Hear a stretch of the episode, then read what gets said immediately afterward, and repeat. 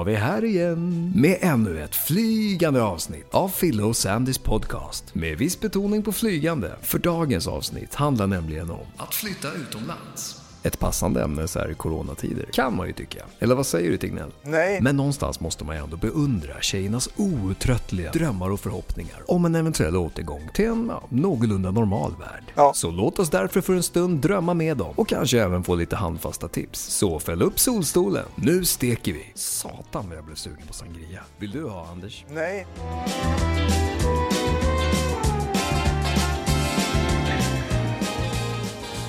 Sandy, vad drömmer du om att bo just nu?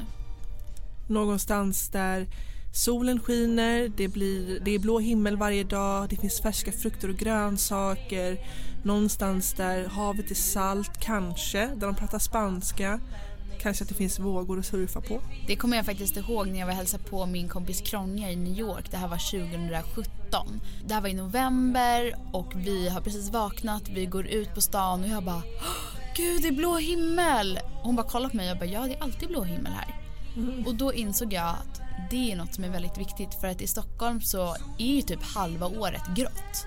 Ja. Och den där blå himlen, det behöver inte vara varmt. Jag är okej med att det är kallt. Men den där blå himlen och solen gör att man blir glad. Senast igår sa du till mig Fille Vad sa jag då? att vi måste börja planera vintern för att jag ska kunna stanna kvar här. Ja men gud, jag pratade med vår kompis Romina och sa det att eh, om Sandy ska överleva vintern då måste jag nu börja planera aktiviteter för jag vill ju att vi ska vara på samma plats och jag vet ju att i höst kommer jag vara Nej det vet jag fan inte. Alltså man blir ju kall men sen till slut tappar man ju känslan så då är det lugnt. Alltså jag och Gustav pratade om det igår för han har lovat mig att vi ska bo utomlands. Och vi har inte sagt så här, vi ska bo utomlands forever. Det kanske är att vi bor några månader där, testar där, hittar sin plats. Eller att man bara så här halvårsvis när vintern är, då drar vi. När man är i Sverige på vintern behöver man hitta på grejer. Jag vet att de flesta kan relatera till svensk vinter, mörkret, kylan, att det är extremt jobbigt. Och min, en vän till mig ringde mig när jag bodde i Costa Rica, det här var kanske i februari, och grät. Och min första fråga är shit det har hänt någonting. Och jag frågar vad har hänt? Och då säger hon, du förstår nog inte hur det är. Jag har inte sett sol eller blå himmel på fem dagar. Alltså ett konstant Mordor, kolla, kolla. Det är som att någon där uppe säger You shall not pass. Till solen alltså.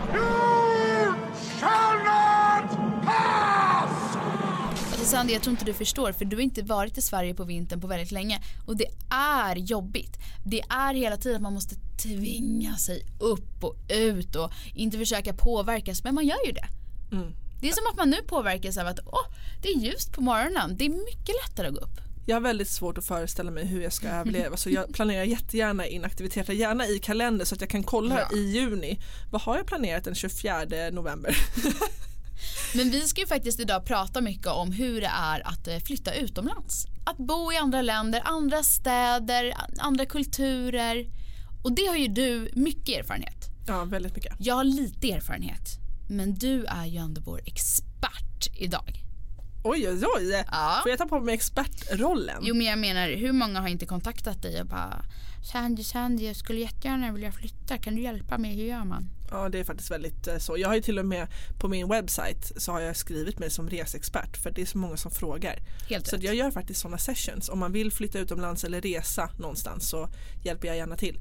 Men Fille, jag vill faktiskt fråga dig för du säger så här att Gustav och du har pratat om det här med flytta utomlands att det är som ett löfte. Men varför är det så viktigt för dig? Varför vill du så gärna flytta utomlands? Men det har flera anledningar. Dels så känner jag att jag vill testa att bo på andra platser. För om man inte har testat då vet man inte hur det är. Och jag har ju bott på andra ställen än Stockholm, alltså i Sverige också. Jag har bott i Hultsfred, jag har bott i Kalmar, eh, jag har bott i Barcelona. Så att jag har ju testat andra saker, eller andra städer. Men det känns ändå viktigt att få testa och testa och uppleva andra kulturer, eh, andra sätt att leva på, andra sätt att arbeta på. Bara för att känna hur man utvecklas och vad man faktiskt mår bra av. För det vet man faktiskt inte förrän man har provat. Det är en anledning. Det andra är ju att eh, jag är ju som du, jag tycker ju inte om mörkret och vintern. Det är måndag, det blir, våren är på väg, vi är i mars. Alltså jag älskar den årstiden. Och när jag står här som, nu kommer det blåvägs, allt springer, det blir grönt. Och det är Amanda! Som när vi bodde i Barcelona och allting blir så mycket enklare av att det är lite varmare. När det är 15 grader varje dag, du behöver inte ha den där halsduken, du behöver inte ha flera olika jackor så här, hmm, är det nollgradigt idag eller är det 15 grader?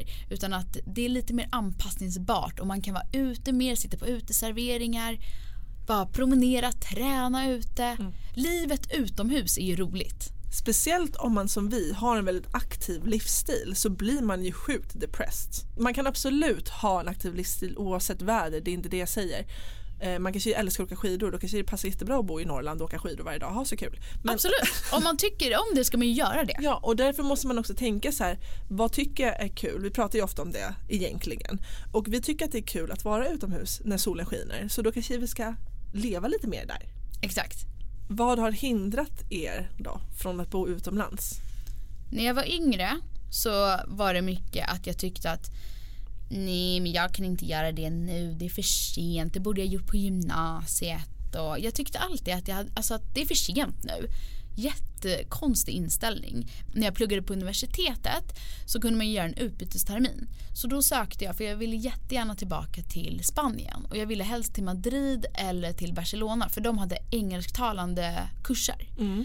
Men jag kom in på Saragossas universitet och de hade bara spansktalande kurser. Och jag kan ju lite grunder jag kan liksom förstå men jag skulle inte kunna ta marknadsföringskurs på spanska. Då hade jag ju inte hängt med. Och då sa eh, studiokanslern på mitt universitet att testa och dit, alltså det gör inget om du inte klarar men det kan vara en upplevelse. Din spanska kanske blir bättre, du träffar folk. Men jag nej, det vill jag inte göra. Och så gjorde jag inte det. Så då hittade jag på en ursäkt till att inte göra det. Sen så när jag började jobba i musikbranschen så bara, nej men gud jag kan ju inte åka utomlands nu, då kommer jag förlora min plats i karriären och kommer någon annan ta den. Kommer, hur ska det då vara när jag kommer tillbaka? Alltså jag kunde inte se att jag gjorde något och sen kom tillbaka och livet kommer flytta på som vanligt här. Utan jag såg det som att det skulle hindra mig. Och sen har min kille inte varit jättesugen på det för han har haft sina drömmar i Stockholm. Så att det hindrade ju mig lite. Dels för att då, vi har ju ett gemensamt boende och då har det varit eh, svårt för mig att flytta för då kommer jag ha dubbla hyror. Och det, alltså, det kanske inte är en jättestor grej. Men det är lite så här en ekonomisk fråga. Men då måste man också väga så här, vad är viktigast för mig just nu? Jag kanske bara flyttar iväg i några månader. Då gör inte det så jättemycket. Men om jag vill vara borta längre, då handlar det ju också om att jag är borta från min pojkvän länge. Och det vill jag ju inte heller. Jag vill ju att vi ska göra det tillsammans. Så därför har vi nu i flera år liksom pratat mycket om det och han har sagt att vi kommer göra det. Absolut. Och nu är jag lite så här motorn som driver på och påminner honom hela tiden om att så här, snart ska vi åka utomlands. Nu går ju inte det, men när det går, då händer det. Jag har en frågeställning i mitt huvud och det är varför är många beslut som vi känner att vi vill ta och kan ta, varför känns de så definitiva? Varför kan de inte få vara lekfulla? Varför måste att flytta utomlands vara ett sånt stort beslut egentligen? Jättebra fråga. Som en definitiv grej, så här, om jag flyttar nu kommer jag aldrig kunna flytta tillbaka. Om du flyttar, bor där några månader och känner att du inte trivs, då kan man byta, man kan prova någonting annat. Man kan flytta hem. Alltså att komma hem finns alltid kvar. Men det är som nu när min syster flyttade till Norge med sin kille som är norrman. Då var alla så här, "Åh, ska ni flytta och hur känns det att lämna Sverige? När kommer ni tillbaka? Kommer ni komma tillbaka? Ska ni skaffa barn där? Hur kommer det vara? Bla bla. Hon bara, alltså vi flyttar nu men vi har ingen plan på hur länge, vi vet inte hur det kommer kännas. Vi vet inte om vi kommer sakna Sverige, vi kanske vill flytta till Tyskland helt plötsligt. Folk är alltid så här, "Åh, gud nu är det för alltid. Och det är inte som att Sverige och Norge ligger wide apart. Nej. Hallå granne. Och så här, kulturmässigt inte så stor skillnad heller. Nej, man kan till och med prata svenska i Norge. Ja, knappt. Jag tycker Nej, det ska bli det- jättekul. Där tänker jag på en annan grej, mycket när du har rest också. Kanske inte alltid bosatt dig, men att folk tycker att hur kan du lämna Sverige? Hur ska det gå där borta? Hur kommer de vara mot dig? Du måste akta dig, du är kvinna. Oj oj oj, vet du om jag hade lyssnat på alla varningar som jag fått inför resor då hade jag inte rest någonting. Kan du inte dela några varningar? Min pappa har ju varnat mig väldigt ofta, du kan inte åka till Rio de Janeiro till exempel, det är livsfarligt. Och jag säger till min pappa, vi ses sen, hej då! Hur gick det då? Jättebra! Ingenting hände. Grejen är så här, oavsett om man flyttar utomlands eller om man reser utomlands så brukar ett av mina tips, här, mina klassiska, vara var street smart. Om man kommer till en ny plats, se till att ha ett boende direkt när man kommer dit så att man vet den här är adressen, den här, mitt hotell eller mitt boende, hit ska jag. Ja, och det kan ju bara vara för en natt. Exakt, eller två så att du hinner landa lite här, känna in atmosfären. Jag skulle aldrig åka någonstans nu eh, som jag aldrig varit på och komma dit och jag ska leta upp ett boende på plats. Det gör inte jag längre. Det är ju bara dumt. Men också så här, var street smart, gå inte utanför huset i Rio de Janeiro. Jag gick inte ut och visade att jag hade pengar. Jag hade knappt på mig värdesaker, inga mobiler, inget. Jag hade lite kontanter så att jag skulle överleva dagen. Jag hade inga kreditkort, ingenting. Så att om jag hade blivit rånad då hade de inte kunnat ta någonting ändå för jag hade inte haft någonting på mig. Ja, men jag går ut, jag går inte ut och dansar med mobilen i handen. Alltså sådana saker. Var street smart, fråga locals vad gäller här. Var lite cool, gå inte runt som att ni vore värsta turisterna. Jag har ju också fått höra, vi har gjort ganska mycket resor ihop. Mm. Då är det många som har sagt till mig, tänk på att Sandy är lång, de vågar inte ta henne. Men du som är liten, de Det där är inte dig. rättvist. Nej. Vet du, de ser mig som en challenge. De bara You are a mountain that I will climb and conquer. När du och jag reste senast, det var ju i New York och sen Philadelphia. Just det. Väldigt härlig resa, så roligt. Vi åkte ju faktiskt dit bara för att se Leon som vi älskar. Alltså ni måste lyssna på henne om ni inte har gjort det.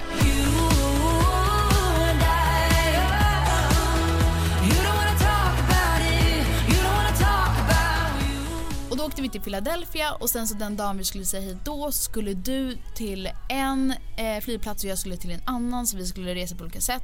Och direkt när du lämnar mig, jag går ut på gatan. Det var så många obehagliga människor som bara började prata med mig, tog tag i mig. Det hade inte hänt på hela resan när jag gick med dig. Men jag är lite av en bodyguard. Ja, men jag tror att jag kanske ser lite mer så här, åh här kommer jag, åh hjälp, hjälp, hjälp. Jag ser lite mer turistig Och- ut. men Du vad- ser nu- mer local ut. Du bara, Nu ska kommer också jag. tilläggas att Filla hade sin hand upp i luften som att du höll en käpp i handen. Nej det var min väska jag gick med. Min rullväska. Jag är 30 nu. Men jag, alltså jag satt och var så himla rädd då och, bara, och min mobil på dö, jag hade ingen laddare. åh. Så att jag är mer safe när jag reser med dig. Men jag har rest själv så att jag klarar ju det. Mm. Men jag tror att jag är lite mer target än vad du är ändå. För att jag, jag är lite mer osäker än vad du är. Jag tror att jag utstrålar lite mer nervositet när jag reser. Nervositeten försvinner ju snabbare ju fler erfarenheter man har. Jag brukar säga det lite som att man är en lök med allt sånt. Mm. Så att min lök när det kommer till att flytta och bo utomlands Den är snart slut. Nej det är inte så.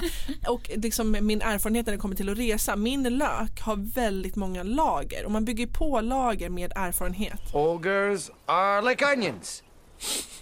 They stink? Yes. No. Oh, they make you cry. No. Oh, you leave them out in the sun, they get all brown, start sprouting little white hairs. No. Layers. Onions have layers. Jag har så många olika referenser, minnen och erfarenheter och liksom kunskap om det här. Så att jag har så många lager på min lök att jag stinker när jag går igenom gatan så folk vågar inte göra. Nej, men förstår ni vad jag menar? Det är så här.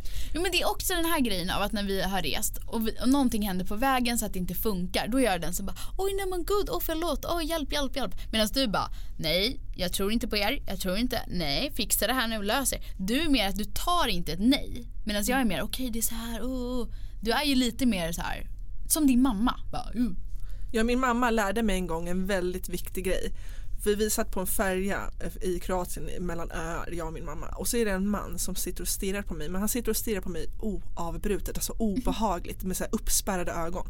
Och då säger min mamma på tyska, okej Sanna nu ska jag lära dig en väldigt, väldigt viktig grej som du kommer ta med dig hela livet. Jag kanske var 25 då. Jag ska lära dig blicken. Det är en kort intensiv blick tillbaka som visar you don't fuck with me. Tar mig mod, andas, kollar på den här mannen, ger honom blicken. Sen kollade inte han på mig på hela tiden. Bra. Mm. Och- Ja, du får lära mig blicken, jag tror jag behöver den. Mm. Man behöver inte ha onödig ögonkontakt med människor som ge, gör en liksom nervös. Det är bara ignorera de här människorna. Ge dem blicken, sen kollar du inte på dem en endaste minut. Inte ens kolla på hans skor, du kollar inte på honom. Igno fucking rera. You talking to me? Who the fuck do you think you're talking to? Det är ändå många som har en dröm om att flytta utomlands. Men ibland kanske man inte vet varför man ska flytta utomlands. Vad, vad tänker du om det? Jag tänker att man inte alltid behöver ha så stora anledningar. En anledning kan ju också vara, jag brukar prata om mycket hur man vill leva. Och huret nämnde jag i början av det här avsnittet att jag vill gärna bo i varmare länder. Och det är ett väldigt starkt, en stark anledning för mig varför jag vill bo utomlands. Om huret är att jag vill bo i en varm miljö med sol, eh, blå himmel, mat, spanska. Då är det huret, okej då vet jag att jag kanske vill bo i ett spansktalande land, typ Spanien. Då skapar jag mig en anledning ut efter det. Så då till exempel nu för ett och ett halvt år sedan så kände jag verkligen jag vill bo i Spanien. Hur kan jag flytta dit? Vad kan jag ha för liksom anledning? Och jag har alltid velat bli bättre på min spanska. Så då mitt liksom i eh, närmare 30, jag var 28, så pluggade jag spanska i tre månader. Och det slutade med att jag förlängde på skolan till sex månader. Och sen blev det ju massa projekt ut efter det ändå. Eh, saker som hände där som ledde till jobb efter det och roliga arbeten. Men att ibland få ta sig den andpausen och faktiskt göra någonting som man känner så här, det här vill jag lära mig, det här vill jag testa. Det behöver inte alltid vara att man måste ha en jättetydlig anledning. Ja, och jag tycker ändå det är intressant att du säger att det var en paus.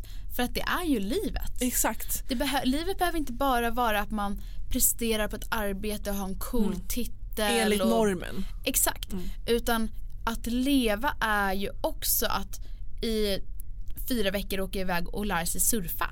Eller att eh, ta, börja dreja. Ja, om vi ser livet som den här löken. Mm. Vill vi ha en lök som inte har några lager? Som inte syns, som inte luktar, som inte... Kanske. yes maybe. Sometimes when you're crying, you gotta ask yourself, am I dating a boy or an onion? Stop making me cry. It's over, Jeff. Jag tycker det är sjukt viktigt att våga eh, prova saker och eh, göra saker som man är intresserad av. Och det som du säger, jag tar tillbaks det. För att det där med ett paus, det är ju enligt normen. Du kan inte pausa din karriär. Jo men för mig är det att leva. Vad kommer jag se tillbaks på? När jag är 80. Ibland pratar jag med 80-åriga Sandy och tänker kommer jag ångra att jag pluggade spanska i sex månader och fick en fantastisk, alltså underbar upplevelse i Barcelona? Nej, det kommer jag inte ångra för det skapar karaktär. Det bygger karaktär. När jag åkte tur och retur till Kina och kände att jag kommer ge upp på det här fucking transsibiriska järnvägen som jag åkte tur och retur och jag bara jag orkar inte, det här är hemskt. Satt på tåg och jag är väldigt aktiv, kunde inte röra mig, ingen pratar engelska. Men i slutändan det gav mig så mycket karaktär, så mycket erfarenhet och skinn på näsan. Nu har jag gjort det, jag vet att det inte är farligt, nu kan jag åka tåg genom halva världen. Jag vet hur jag ska hantera att komma till ett nytt land med ett språk som jag inte kan, en ny kultur, för jag har gjort det. Ja, och jag tänker så här, de som lyssnar nu kanske tänker ja men jag har aldrig testat de där sakerna, jag vet inte om jag hanterar det. Men då kan jag bara säga att man löser det ju på vägen. Alltså om du tvingas lösa någonting så kommer du göra det. Det kan vara jobbigt i stunden. Jag menar, du har ju ringt mig några gånger när det har skitit sig med typ visum när du skulle till Sydafrika och du satt på en flygplats jättelänge och fick göra om en hel rutt. Men det löste sig. Och det blev jättebra i slutändan. Jag vill bara dra upp en liten kort historia som jag är väldigt stolt över med dig Fille. Och det var när du ville åka på din första riktiga så här, långa soloresa till Costa Rica. Och jag kommer ihåg hur jag satt och marinerade din järnflesh så länge för det var nej jag, kan inte, jag kommer inte våga, och nej jag kan inte åka själv, och nej jag ska åka själv till Costa Rica, det är så jag var så rädd. Jag hade så mycket rädslor. Det var allt möjligt. Jag kunde sitta på riktigt och bara, om jag inte får några kompisar. Det var så mycket grejer till slut jag bara, jag kommer ge upp på det här. Men då sa jag så här, Kände nu, du så? Ja, nu bokar du biljetten sa jag. Och så bokade du biljetten och åkte. Du åkte dit, sen kom jag ju dit tre veckor senare, alltså in på din resa. Så frågade jag dig, men gud hur känns det? Alltså du har varit tre veckor själv på resande fot här i Costa Rica. Och du bara, nej jag har inte varit själv en endaste stund. Nej, men jag kommer ihåg att jag fick leta egen tid för att det var så mycket folk hela tiden som ville hänga med mig. Alla bara Felicia, Felicia. Nej men det var verkligen så. En av mina bästa upplevelser att resa själv, att vara på en plats där man inte har varit, inte vet vad man ska göra. Jag hade ju bara boende för en vecka och det var att jag var på ett surfcamp.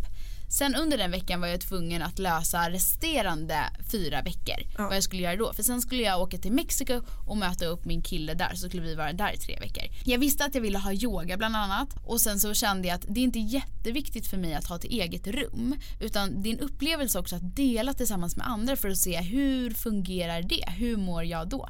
Så jag bokade in mig på ett hostel och bodde där. Först med fyra andra.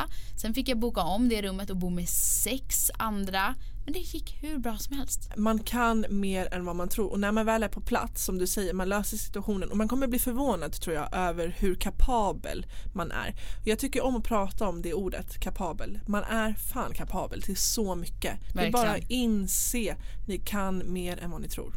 Jag minns min första ensamresa jag gjorde men den var ju lite på ett annat sätt för då efter studenten åkte jag till Barcelona för att plugga spanska i två månader.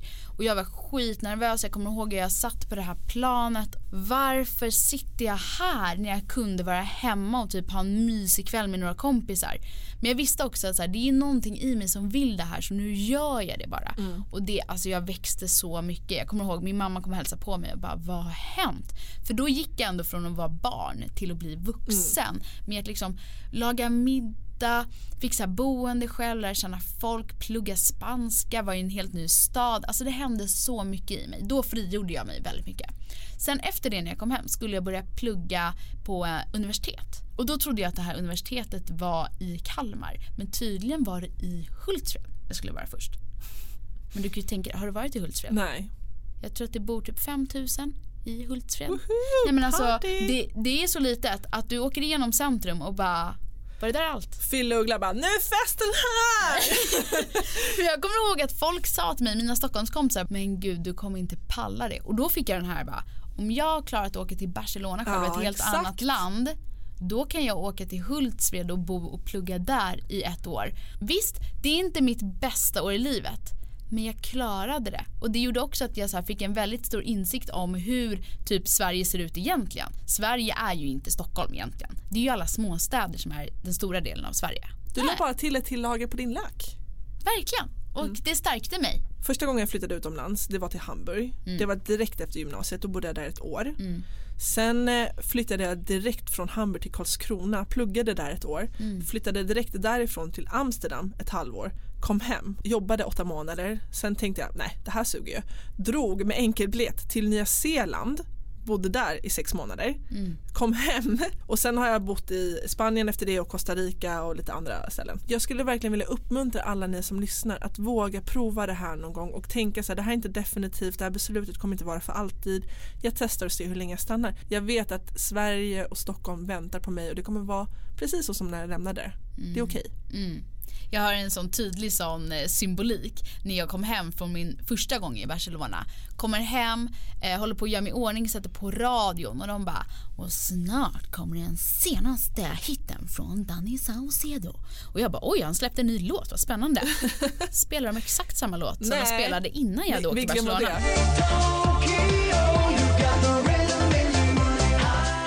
Det här vi pratade lite innan om när du höll på att marinera mitt huvud med att jag skulle göra min ensamresa.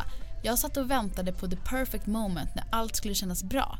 Och det kan man ju säga att det känns aldrig 100% att lämna sin comfort zone. Det kan ju du intyga. Det är därför det heter comfort zone för det feels comforting att vara i sin comfort zone. Och den finns ju kvar. Den finns alltid kvar. Men man, kan, alltid få åka- växa den. Och det är det som händer när man flyttar eller testar något nytt. Vem vill jag vara?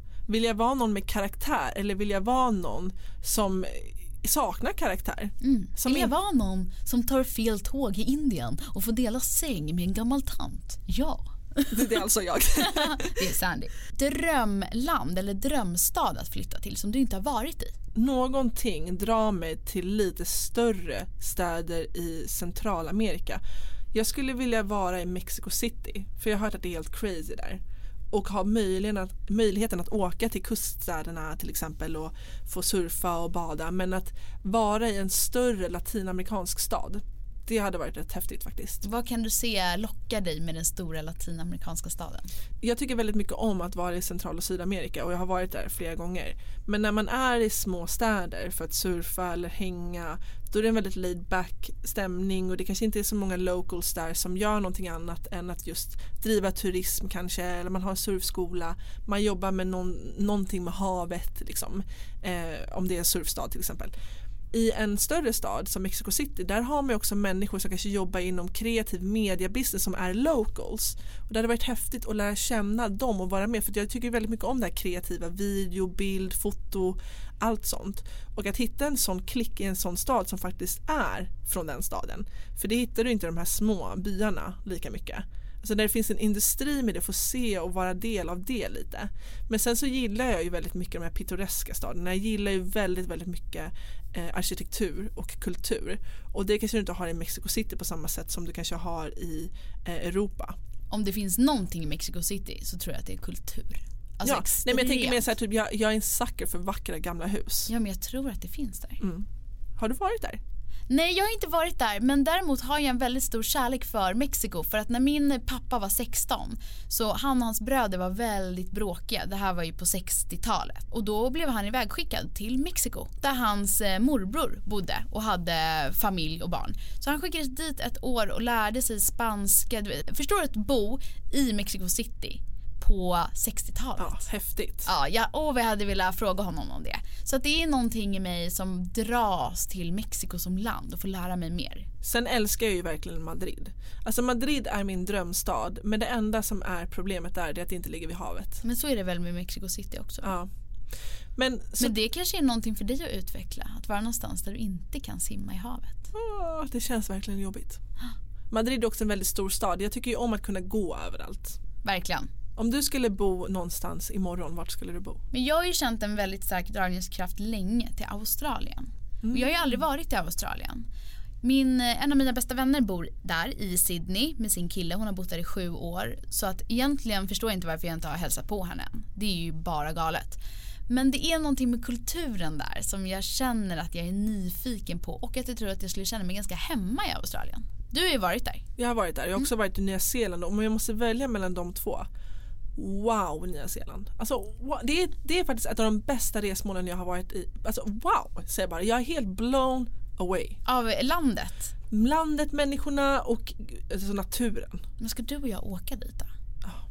Är det vår nästa resa? Det är väldigt långt dit. Ja, men vår nästa storresa. Kan inte vi åka tåg hela vägen dit? Då åker man från Stockholm, Transsibiriska via Ryssland, Mongoliet genom Kina ner till Japan, tar båten från Japan till Australien, åker genom Australien, åker ner till Nya Zeeland. Ingen biggie. Om man skulle göra den så snabbt som möjligt. En månad kanske. Hur ska man tänka, Dagny, för att hålla humöret uppe? Ja, man ska tänka att man måste kämpa. Att man ska inte ge upp. Utan man ska bara lägga ut och bara den. Alltså, så, så har man inte tid att ha tråkigt. Vet du vad jag kom på häromdagen? Under tio års tid har jag varit i över 50 olika länder. Alltså inte städer, länder.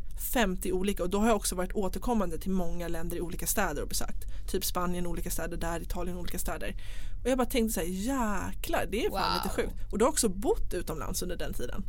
Ja, men du lägger ju faktiskt all din fritid och typ all din ekonomi på resor. Ja. Det är ju det du prioriterar mest. Om jag sitter i ett sammanhang där kulturkrocken är så stor att någon annan skulle skita på sig, då sitter jag och bara wow vad kul det här är. Ja, men det kommer jag ihåg att du sa när du hade gjort din eh, resa med Respodden över Mm. hela världen.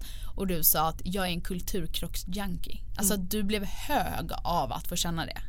Det kommer ju med erfarenheten. Exakt. Alltså, ju mer man vidgar sitt spektrum och sin liksom, comfort zone desto mindre blir knasigt. Tänk vad fantastiskt att leva i en värld där ingenting är konstigt.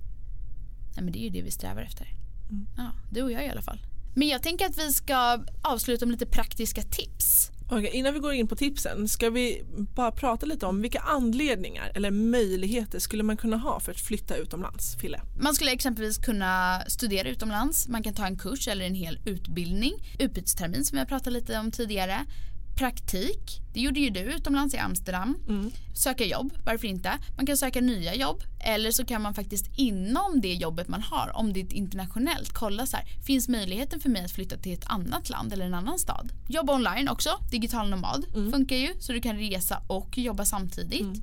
Du kan även volontära, göra kortare resor eller om du känner för att lära ett språk. För det behöver heller inte vara att så här just jag vill lära mig ett språk. Det kan ju bara vara jag vill flytta utomlands. Vi testar att då också lära sig ett språk. Exakt. Det behöver inte vara den stora anledningen att just åh jag är jättesugen på att lära mig isländska men jag är sugen på Island. Då kör vi. Exakt. Nu till lite flytta utomlands tips. Det är mycket saker ändå man ska tänka på lite. Förutom att det ska kännas så här, okej det här är jag intresserad av, det här vill jag testa, det här är en möjlighet för mig att flytta. Så kan jag faktiskt eh, bara droppa det här med visum och pass. Inom eh, Europa om vi har svenskt pass, då behöver man inte ha visum i de flesta länderna. Men man bör ändå ha koll på det här och, och eh, söka upp information. Och Utrikesdepartementet har mycket information om det. Ni kan också ringa till svenska ambassaden om ni har frågor, bara för att få koll. Sen kan det vara bra att veta vad händer om man blir sjuk på resan eller i ett annat land. Var vänder man sig Mm. någonstans? Jag kan tipsa om att jag tecknade en extra olycksfallsförsäkring vid resande fot. Och den hjälpte mig jättemycket. Jag blev faktiskt sjuk nu i Costa Rica där jag fick halsfluss och då betalade min försäkring allting. Bra försäkring. En annan grej som man kan göra det är att man kan prata med Skatteverket om man till exempel jobbar utomlands och är anställd av ett utländskt företag så kolla upp bara hur det funkar om du folkbokför dig i ett annat land, vilka skatter och det här återigen, jag älskar att prata med människor. Be om hjälp och fråga. Jag är inte en sån som sitter i chattsupporten. Jag älskar att ringa. Jag bara tjena Skatteverket, det är Sandy här igen. jag har en till fråga. Jag ska dra vidare till eh, Mongoliet igen här. Vad, vad gäller? Ändå bra. Nej, nej, nej. Alltså det här kommer att göra så att mitt hjärta stannar. Vill ni det? Se till att ditt boende finns i verkligheten.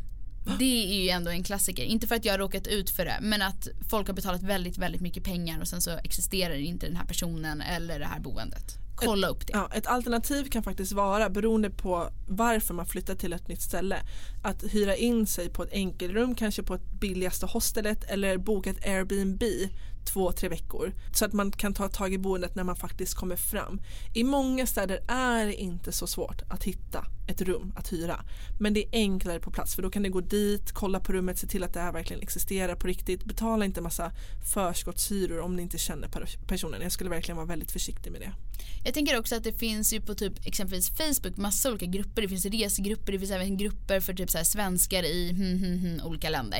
Där kan man ju kolla, är det någon som hyr ut någonting eller är det någon som har tips? Jag behöver hjälp med det här. Det vet jag att ni använde, du och Klara när ni var i Barcelona, att hon frågade vad gör man bästa ögonfransförlängningen?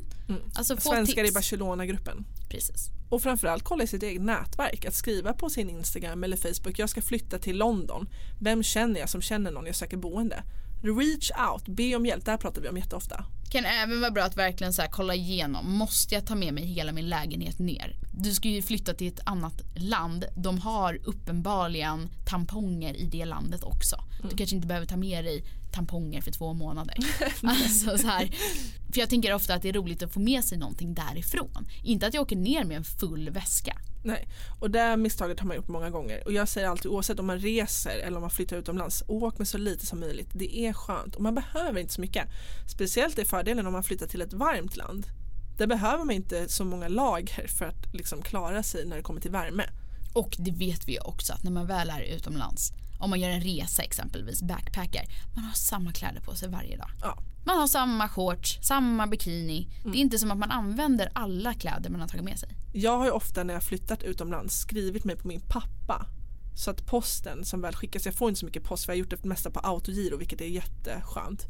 Eh, Alltså när det kommer till fakturor. Men att skriva sig på sina föräldrars adress till exempel eller en kompis adress. Mm. Så att man får den eh, posten hem till dem. Mm. Man kan ju även köra typ Kivra, alltså så online så att man får allting digitalt. Exakt. Min sista punkt som jag lobbar väldigt mycket för det är att jag pratar om att vara sin egna bästa kompis när man reser. Även om det är att flytta utomlands, eh, resa själv. Man är aldrig ensam om man har en bra relation till sig själv. Ibland kan det vara ensamheten som hindrar en från att ens ta sig ut i världen. Det är ju det som många skriver till mig om på DM. Så här, jag vågar inte för det känns ensamt, det känns läskigt. Men kolla upp de här Facebookgrupperna, skriva till era communities. Känner jag någon som känner någon i London, Ni ska flytta dit. Anmäl er till en kurs på plats så att ni lär känna andra. Till exempel då språkkurser är fantastiskt för då lär man ju känna andra som också vill lära sig språket som kanske inte är därifrån. Men framför allt prata med främlingar på fiken. Och utomlands, jag menar nu är ni i Sverige så det här kanske inte är så här, det känns främmande för folk som lyssnar på det här om man aldrig har varit utomlands. Men utomlands i andra kulturer så är man mer social faktiskt. Ja, man öppnar upp sig lite mer. Ja. Sen en annan grej jag tycker är fint, bara så här kompisgrej. Man är sin bästa vän, så ibland kan man fråga sig själv också så här, vad behöver jag just nu? Det är faktiskt bra att komma ihåg när man är ute och reser, man har alltid sig själv. Man behöver inte känna sig ensam. Vad mysigt det har varit idag. Ja. Jag ser fram emot nästa avsnitt redan. Jag med, undrar vad det kommer vara. Det säger får vi inte. se. Puss och kram, hejdå! Hejdå!